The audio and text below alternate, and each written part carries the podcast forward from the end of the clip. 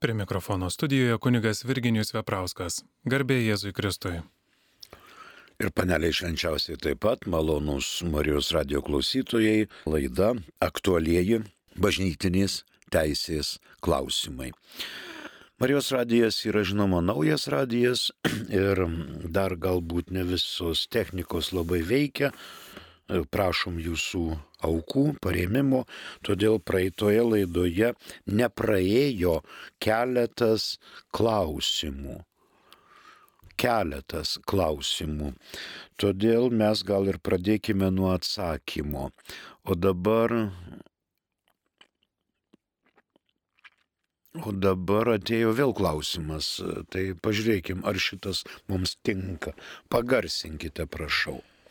Garbėjai Kristui. Prašysame. Ar šventose mišiose po atgailos akto privalomi maldavimai viešpatie pasigailėk, Kristau pasigailėk, viešpatie pasigailėk? Taip.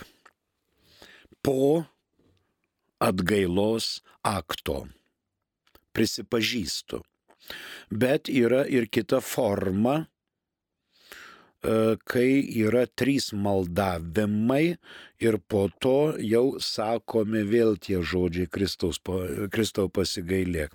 Kyrija, kyrija eleison. Tada nereikia. Yra įvairios formos. Mums priimtina yra ta forma, kurią mes turbūt labiausiai įpratę. Prisipažįstu visagaliam Dievui ir jums, broliai seserys, ir taip toliau. Tai čia yra privaloma maldavimo forma.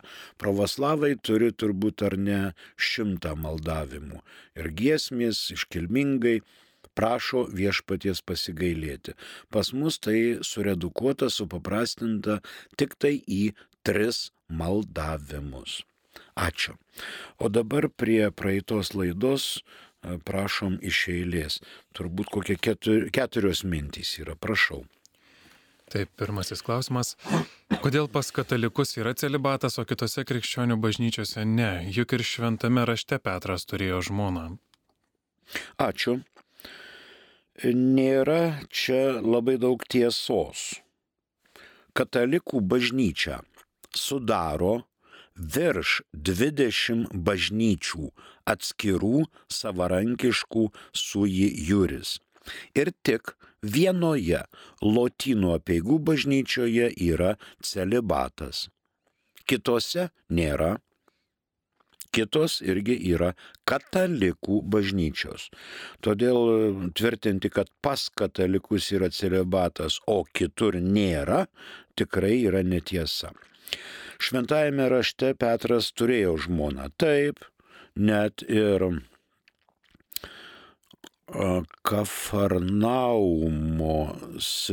Kafarnaume Jėzus pagydė švento Petro uošvienę.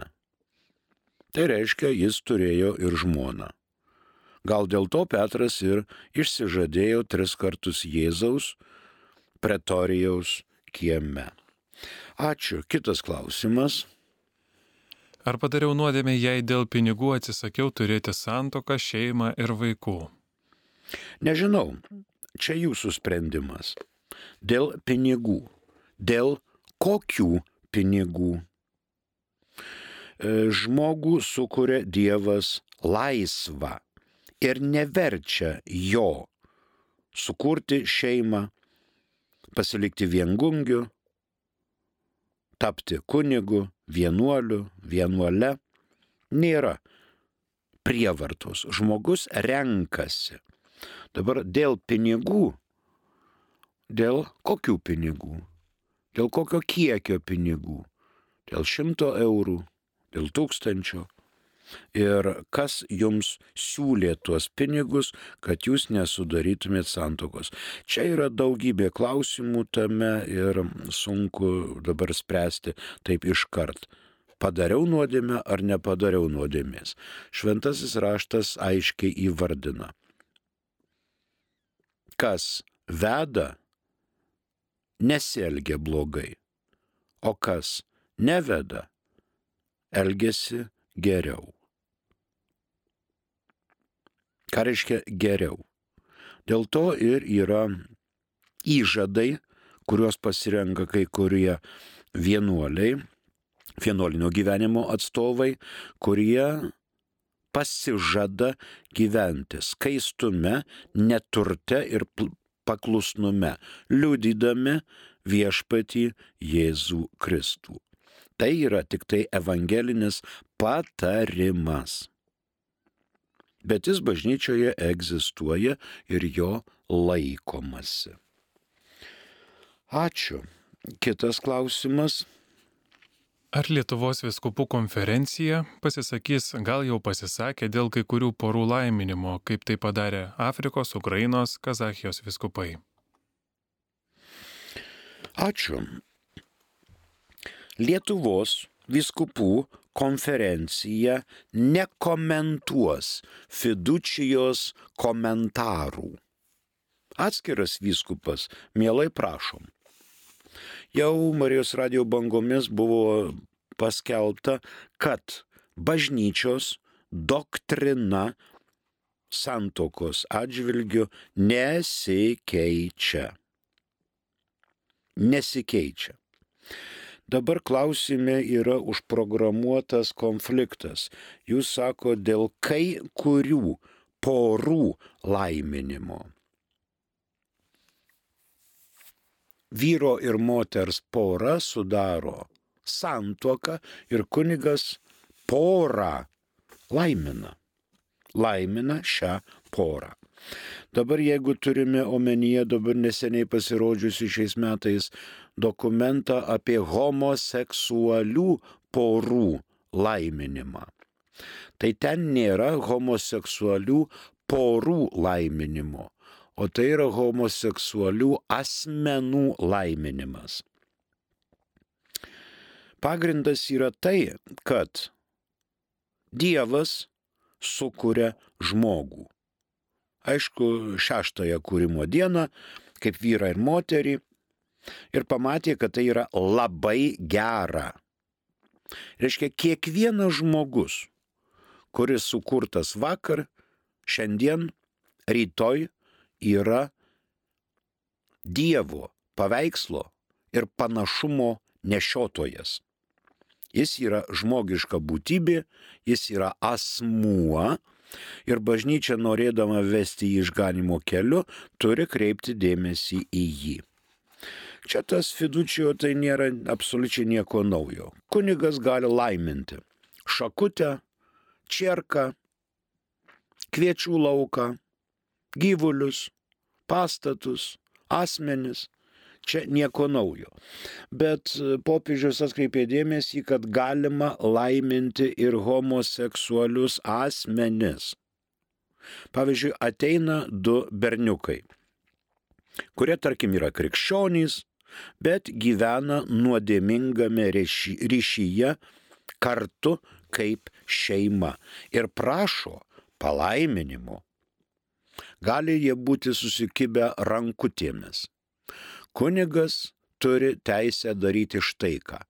Aš jūs laiminu, bet jokių būdų ne nuodėmingam ryšiui, o laiminu tiesos, evangelinės tiesos paieškoms ir darybei, o ne nuodėmingam ryšiui. Ir kunigas negali laiminti juos abu du kartu, bet laimina juos atskirai po vieną. Būkite čia susikabinę, susikibę rankomis, bet aš vieną palaiminu ir kitą palaiminu. Kiek čia trunka? Trys sekundės. Vat toks laiminimas galimas. Dabar jūsų mintis apie tai, kad Afrika čia padarė. Mes dabar gyvenam šitoje e, romėnų teisės europinėje kultūroje ir mes mastome, kad visa Afrika irgi yra pavaldi Lietuvos Respublikos teisiai. Afrikoje kai kurios valstybės persekioja homoseksualistus. Ir jeigu Afrikoje pas kunigą, katalikų kunigą ateina porelė tokia saldi ir sako kunigė palaimink, kunigas privalo pranešti policijai. Ir šitą porelę susėmė. Jeigu kunigas šito nepadaro ir valdžia sužino, kad kunigas žinojo apie šios homoseksualistus, kunigas sėda į kalėjimą. Tiesiu taikymu. Viskupai, norėdami gelbėti dvasininkus, šiuo klausimu kreipėsi popiežiau, mes negalim, pas mus valstybėje yra kiti įstatymai, mes nepradėsim laiminti. Tarkim, tūkstantis kunigų yra valstybėje, ateina tūkstantis porų pas kiekvieną kunigą ir tas laimina ir nepraneša. Ir tūkstantis kunigų sėda į kalėjimą. Kas iš to išloš? Todėl viskupai ir sukilo kažkokia nesąmonė, ką čia darote ir panašiai. Tačiau popiežius yra visuotinės bažnyčios galva. Visuotinės ne dalinės. Ir popiežius išleidžia įstatymus arba paštalinius paraginimus, arba enciklikas visuotiniai bažnyčiai, o ne atskirai šaliai. Tai dabar dėl kai kurių porų laiminimo sukilo čia tie, tie, anie. Žinoma, kas čia nuostabaus? Sukyla. Bet popiežius leido jeigu homoseksualūs asmenys ateina, slapta pas kunigą ir pasako, ten toj šaly, kur persekiojame, tu niekam nesakyk ir mes niekam nesakysime. Tu palaimink. Ir kunigas tikrai laimina vieną ir kitą asmenį, pabrėždamas, kad laimina jis ne nuodėmingam ryšiui, bet evangelinės tiesos paieškoms, kad Dievo malonė veiktų juos ir kad jie surastų tikrąjį krikščionišką kelią. Tai toks būtų atsakymas, o viskupų konferencija Lietuvos jau čia kalbėjo ir prikalbėjo, o jeigu norit smulkiau, kreipkitės į atskirą vyskupą, tegul jisai jums dar ką nors papildomai paaiškina. Na ir pagaliau ketvirtas klausimas iš praeitos laidos. Rašo pasipiktinės klausytojas, Taip. daugiau klausimų uždavinėt kvailystę, nes bijote tiesos kaip velnės kryžiaus, tad ir neskaitote į eterį. Ačiū. Žinoma, kunigas bijo tiesos kaip velnės kryžiaus. Įdomus, žinoma, tvirtinimas. Dabar nėra garbės man skaityti eterį, tą vykdo dirbantys už pulto ir paprastai jie skaito į eterį.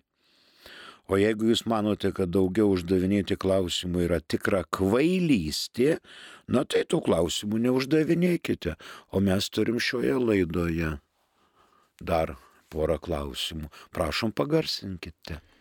Garbėzui Kristui. Ramžius amen. Pasaulis su struktūromis, psichologais, medikais, teisinė sistema ir kita vaduoja iš problemų ir bėdų.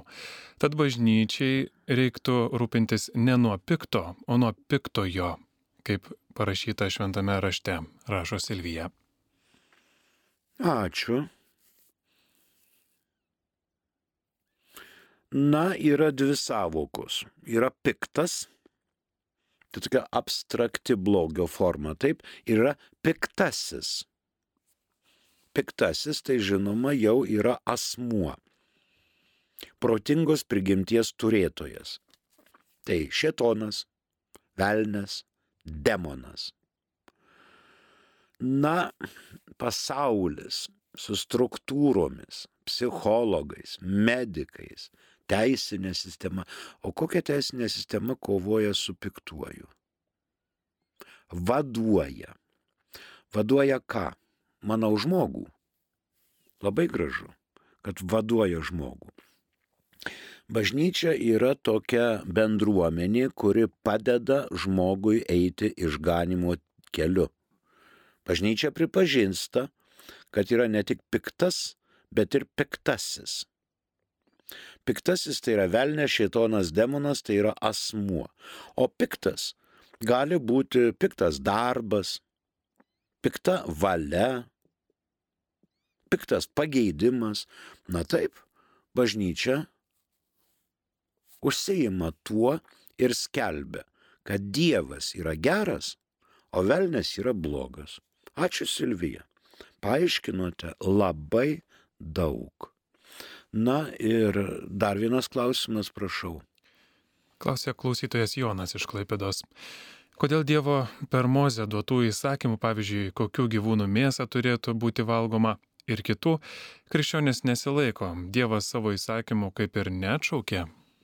Ne, Dievas savo įsakymų neatšaukė.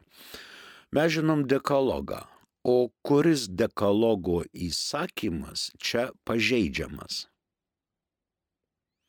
Nėra tokio įsakymo, kad e, nevalgyk ten to ar valgyk aną. Įstatymų leidėjas vyskupijoje yra vyskupas. Jeigu jis išleistų įsakymą, kad kokia mėsa turėtų būti valgoma, kurėtų neturėtų būti valgoma, kuri mėsa, na tai žinoma, nunciatūra susidomėtų ir sakytų, ekscelencija, mikliai atšauk tą savo dekretą ir čia tu jau nusivažiavai. Dabar krikščionys laikosi krikščioniškų įstatymų piemenų augintojų tauta gavo iš Dievo žinoma dekalogą. Na pavyzdžiui, toks įsakymas penktasis - nežudyk. Tai jeigu tokio įsakymo nebūtų, tai ką visos kitos aplinkiniais gentys ir Afrika, ir Kinija, ir Japonija, ir Pietų, ir Šiaurės Amerika, ką jau to įsakymo galėtų laikytis? Sakytų, kol piemenų tauta mums net nešė dekalogo, tai mes šito nežinojome. Tai taip nėra. Kiekvieno žmogaus širdie įrašytas konstitucinis nuostatas - nedaryk kitam to, ko nenori, kad tau darytų. Kodėl darai taip, kad tau nesinori gauti iš kito? Tai tu nedaryk tam. Na ir panašiai. O dabar Dievas savo įsakymų kaip ir neatšaukė, bet šitas įsakymas dėl mėsos valgymo buvo ne doktrinalinis, o daugiau disciplininis, kol Mozė vedžiojo per dykumą 40 metų tautą. Įsivaizduokite, jeigu žydų tauta būtų neplovusi rankų, neplovusi kitų, reiškia kūno dalių, tai ten staigiai būtų cholera, šiltinė, dizenterija ir visokios kitokios lygos. Tada, norint, kad išsaugotumėme šitą piemenų augintojų tautą, kaip po išganytojo tautą, Dievas ir paskelbė, daryk taip, o nedaryk kitaip. Daryk kad gyventum. Net ir patys žydai dabar irgi nesilaiko Senojo testamento. Mozė buvo įsakęs, jei kieno, reiškia, vyras mirtų, tai brolis turi paimti žmoną. Ir štai yra buvę septyni vyrai. Ir jinai buvo visų septynių žmona. Tai vad po prisikėlimo, kieno jinai bus žmona. Čia taip jau spesdami, spesdami buvo spendžiami fa, spastai Jėzui. O kur dabar tas Mozės įstatymas? Ar Mozės išpažinėjai veda žmoną to brolio, kuris yra jau numiręs? Aišku, kad ne. Ir daug tokių dalykų yra įstatymų leidėjas yra vietos vyskupas. Ir mes tų įstatymų laikomės. Dar vienas klausimas, prašom. Rašo klausytoja Lina iš Kauno. Ar susituokus tėvų vaikams, tėvai tampa giminėmis? Nes aš manau, kad giminė, giminės turi sėti kraujo ryšys. Ačiū. Vyras žmonai nėra giminė. Kaip jie taptų giminė, jeigu jie yra negiminė. dėl ko jie gali tapti giminę. Tikrai netampa giminę. E, krikšto tėvai su krikštijamuoju įeina į dvasinę giminystę. Bet tai nėra kliūtis, pavyzdžiui, santokai. Tai yra dvasinė giminystė, bet ne fizinė, ne svainystė. Susituokus tėvų vaikams. Susituokus tėvų vaikams. O kas leidžia tuoktis tėvų vaikams?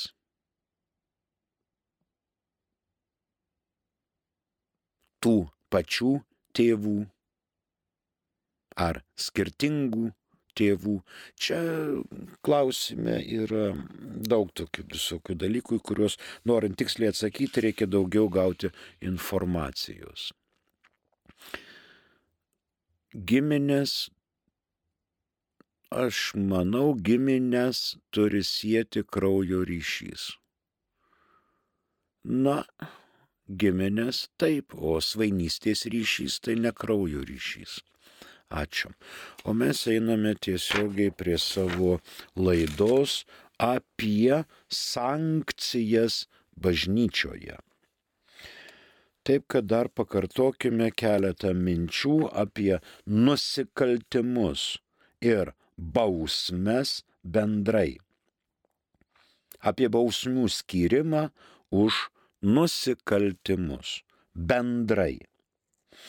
Taigi, kaip 1973 metų e, sinodas ir komisija darbo metu sutarė, turi būti bent šeši punktai. Pirmasis, kad bausmių ir nusikaltimų savoji sritis yra ne vidinė, ne sąžinės, ne širdies sritis, bet išorinė sritis. Tai yra išorė. Įrodomumas, liudininkai, paties žmogaus tvirtinimai ir panašiai. Antra mintis. Saugotinas privalo būti žmogiškasis orumas ir jo pareigos bei teisės kad skirtoji bausmė kaip sankcija ne tik, kad trukdytų, bet padėtų sielai siekti išganimo tikslų. Na, galime žvilgterėti į 1341 kanoną apie bausmių skyrimą. Ordinaras turi pasirūpinti, pradėti teisminę ar administracinę bausmių skyrimo ar paskelbimo procedūrą tik tada, kai aiškiai mato, kad nei broliškų įspėjimų, nei papeikimu, nei kitomis pastoracinio rūpeščio priemonėmis neįmanoma pakankamai atitaisyti papiktinimo, atkurti teisingumo, pataisyti kaltininko. Taigi tik tada. Kita mintis. Trečioji. Reikia komisija padarė išvadą išlaikyti bažnytinės dvasios ir moralės integralumą. 1317. Bausmės turi būti skiriamos tiek, kiek yra tikrai būtinos, tinkamiau užtikrinti bažnytiniai drausmiai. Tačiau pašalinimas atimantis dvasininko statusą, negali būti nustatytas partikuliariniu įstatymu. Bausmė, pavyzdžiui, kunigui, tai ne vyskupo reikalas, tai jau popiežiaus reikalas. Ketvirtoji mintis. Dažniau turėtų būti bausmės ferendė sentencija, o ne letė sentencija. Letė sentencija turėtų būti neskaitlinga ir ypatingai dėl sunkių nusipakaltimų su papiktinimu, kurių nepaiso ferendė sentencija cenzūros. 1318. Įstatymų leidėjas neturi numatyti bausmių letė sentencijai, nebent dėl kai kurių atskirų tyčinių nusikaltimų, kurie gali sukelti didesnį papiktinimą arba už kuriuos negalima veiksmingai nubausti bausmėmis ferendį sentenciją, tačiau negali nustatyti cenzūrų, ypač ekskomunikos, nebent ypač nuosaikiai ir tik dėl sunkiausių nusikaltimų. Penkta mintis. Turėtų komisijos nuomonė būti protingas santykis tarp visuotinės ir dalinės teisės. Dalinėje teisėje skirtos bausmės negali būti amžinos, kad kali visiems laikam. Pavyzdžiui, dalinėje teisėje nėra galimybės šalinti iš dvasininkų luomo amžinai. Jau 1317 mums tai paskelbė. Galima dar žiūrėti 1319. Du paragrafai. Kiek kas nors gali valdymo gale leisti įsakymus, išorinėje srityje. Tiek pat jis gali įsakymų, nustat, įsakymų nustatyti apibrieštas bausmes, išskyrus amžinasias, atperkamasias bausmes. Antrasis paragrafas. Baudžiamasis įsakymas neturi būti išleidžiamas nebent rimtai apsvaršius ir išlaikius tai, kas dėl partikuliarinių įstatymų nustatyta 1317, 1318.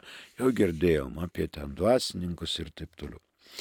Na ir šeštoji mintis - teisėje baudžiamajame įsakyme neapi, nepateikė, nepateikiami apibrėžimai kas tai yra tai, kas tai yra anai. Tai daugiau kanoninė doktrina, o ne bažnytinė įstatymdavystė. Ką reiškia kanoninė doktrina? Parašytas baudžiamasis įsakymas, jeigu jį peržengiai, tau grėsia sankcionuota bausmė. O bažnytinis įstatymdaviškumas tai jau yra daugiau teorinė. Tegul teoretikai aiškinasi, kas yra nusikaltimas, kas yra bausmė, o bažnyčioje pagal teisę baudžiama tik tai, kas pabrėžiama, kas nusakyta, kas nustatyta. Jeigu tą pažeidai, gali susilaukti bausmės. Bet jeigu to nepažeidai, visa kita yra nebaudžiakas. Tai tiek trumpai. Dabar žiūrime toliau apie 1311 kanoną. Jis yra gana trumpas, tačiau labai talpus. Bažnyčia turi prigimtinę ir savą teisę skirči, skirti baudžiamasias sankcijas nusikaltusiems Kristaus tikintiesiems. Aišku, ne katalikams, bet Kristaus tikintiesiems. Dabar 1917 m. kanono teisės kodekse tai normino 2214 kanonas. buvo, tada buvo bausmės tiek dvasinės, tiek laikinosios. Dabar, kaip girdėjote, turi teisę į baudžiamasias sankcijas bendrai nusikaltusiesiems. Taigi 1311 nėra nusakantis bausmę, tai yra deklaracija, kam tas skirelis yra parašytas ir skiriama. Baudžiamas asmuo yra už nusikaltimus, kai yra papiktinimas. Bet pats papiktinimas nėra priežastis baudžiamajai atsakomybei. Dabar apie baudžiaką šventajame rašte. Naujasis testamentas nėra bažnytinės teisės kodeksas. Čia mes semėmės tik tai šalt, iš šaltinių tokių. Gal pasižiūrėkim Evangeliją pagal Matą, 18 skyriaus 18 eilutė. Kol susiras, reiškia ten pabrėžta, kad mokiniai patys renkasi būdus bausti. Minutėlę mums turbūt atėjo žinutė, tai gal tada prie jos ir apsistokime, prašom, kad nebūtų taip, kad kaip velnės kryžiaus bijo tiesos. Pirmin. Klausytojas rašo, greičiau ta Marijos radijas užsidarytų, nes jau įkyrėjo tie reikalavimai aukok ir aukok. Eikit dirbt, veltėdžiai, gal suprasite, kiek kainuoja pinigėlius uždirbti, rašo klausytojas piktas. Oi, čia ne piktas, čia su meile. Su meile rašo. Jeigu jums nepatinka Marijos radijas, jo neklausykite klausykite kitų laidų, kitų radijų ir kitų dezinformacijos šaltinių. Nes net Lietuvos Respublikoje jau buvo įvardintos didžiausios grėsmės kaip dezinformacija. Dezinformacija. O Marijos radijas stovi tiesos tarnystėje. Dar vienas klausimas, prašom. Garbėsiu Kristui. Per amžius amen. Kaip baudžiamas kunigas palikęs kunigystę? Gal užsitraukia ekskomuniką? Kaip? Žinot, gyveno kartą kunigas, tai nėra lemtis, kad tu tapai kunigu. Tu realizavai savo pašaukimą, mokėsi, norėjai, ėjai į tą pusę, gavai šventimus. Gyvenimo tiekmėje gali būti taip, kad kunigas palieka šią tarnystę. Pavyzdžiui, nueina pas viskupą ir sako, man norisi šabo metų. Ekscelencija, leisk man palsėti, aš palieku visokiojo patarnystę, visas pareigas ir einu metams palsėti. Viskupas sako, žinai, ne metams, aš tave išleidžiu pusmečiui, bet išleidžiu. Tai toks palikimas kunigystės nieko nesankcionuotas. Vyskupas žino, kontaktas yra su palikusiu tarnystę kunigu ir viskas tvarkoj. O koks dar gali kitoks kunigystės palikimas užsitraukti, užtraukti ekskomuniką asmeniui? Kaip? O vat jūs man pasakykit, kaip, kaip jūs įsivaizduojat, kaip kunigas palieka tarnystę. E, mums kaip su laiku liko labai mažai laiko, mes neišsiplėsime, nes mus išmes iš eterio. Tai dabar pamastykime visi, kaip gali kunigas palikti kunigystę ir kaip užsitraukti ekskomunika. Čia gali būti nuovai, nuomonių įvairovė. Pabandykime pamastyti ir parašykite. Parašykite apie jums žinomus, nežinomus atvejus, galėsim drąsiai pasvarstyti. O šiandien mūsų laikas pasibaigė. Dar žinutės papildymas turbūt taip. Taip, čia kunigas, jeigu dėl moters rašo klausytoja. Va, va, va. Jeigu dėl moters. Pirmam, pirmoje klausimo dalyje nebuvo įvardintas, buvo tik tai palikimas kunigystės. O dabar dėl moters, dėl vyro, dėl vaikų įvairūs dalykai. Mūsų laikas yra išsekęs, o va šitą klausimą mes panagrinėsime kitoje laidoje. Mes tiesos nebijome, mes bijome tik tai klaidos. Panagrinėkim kuniga, kuris paliko kunigystę dėl moters. Prie mikrofono dirbo kunigas Virginijus Veprauskas. Ačiū ir sudė.